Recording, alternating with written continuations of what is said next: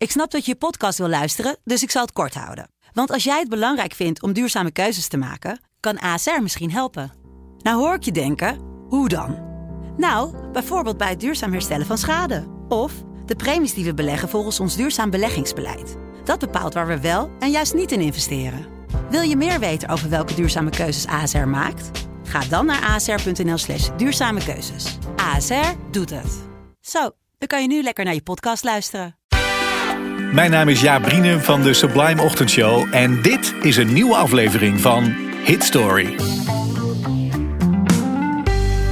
Dit is het verhaal van Boogie Wonderland van Earth, Wind Fire. Sublime Ochtendshow. Hit Story. Verhalen achter de muziek. Ook in het nieuwe jaar weer de verhalen achter de liedjes die we draaien hier bij Sublime. Deze bijvoorbeeld. Het is eind jaren 70 en disco is all over the place. Iedere artiest maakt disco, al is het maar één liedje... om even een klein gaatje mee te pikken van de hype. Maar die disco die heeft ook een keerzijde. Ellie Willis is songschrijver en zij zit op een avond een film te kijken... die precies daarover gaat. De film Looking for Mr. Goodbar, zo heet die... die gaat over een vrouw met een behoorlijk braaf leven overdag... en die dan in de avonden en nachten de clubs en de disco's afstruint. Een dubbel leven dus en dat loopt in die film behoorlijk uit de hand. En dat is een goed onderwerp voor een liedje, denkt Ellie. En dat liedje gaat ze schrijven samen met haar collega John Lind, zo heet hij.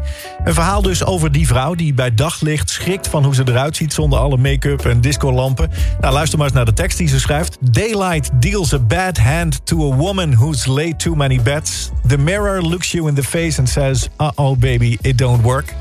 Het liedje moet de titel krijgen, zo vindt ze van zo'n grote disco-tempel... zoals je er heel veel hebt in die tijd.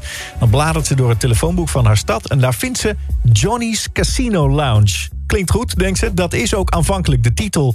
Maar uiteindelijk, dat valt dan uiteindelijk toch niet helemaal lekker in de melodie. Het klinkt ook niet heel sexy. Nou, laten we anders iets doen met het woord boogie. Dat zit overal in tegenwoordig.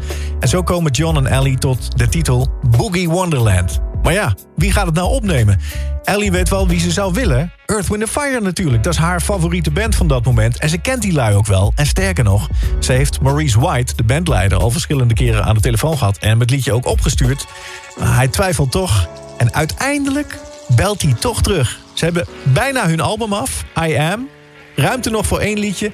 Ik zit er toch over te denken om dat liedje van jou nog eens op te gaan nemen. Dus dat gebeurt. En die opname, dat was ook nog wel bijzonder trouwens. Het was, zoals ik al zei, de tijd van de disco. En die mannen van Earth, Wind Fire... die hielden zelf ook wel van een feestje. En die hadden dus nog één opnamedag te gaan voor dat laatste liedje. Gepland op een zaterdag. Het was al weekend. Mannen waren al een beetje aan het vieren dat de opnames klaar waren. Het was heel laat geworden die vrijdagavond. En iedereen had zich enorm verslapen. Dus het werd uiteindelijk eind van de middag op die zaterdag... dat ze pas aankwamen in de studio. En de meeste van, van hen wilden s'avonds ook weer op stap. Dus ze hadden haast.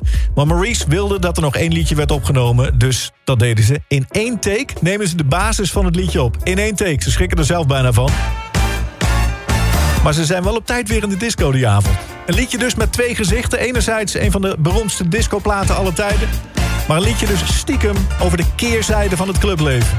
Het werd een knijter van een hit voor Earth, Wind Fire. En het werd uiteindelijk Boogie Wonderland.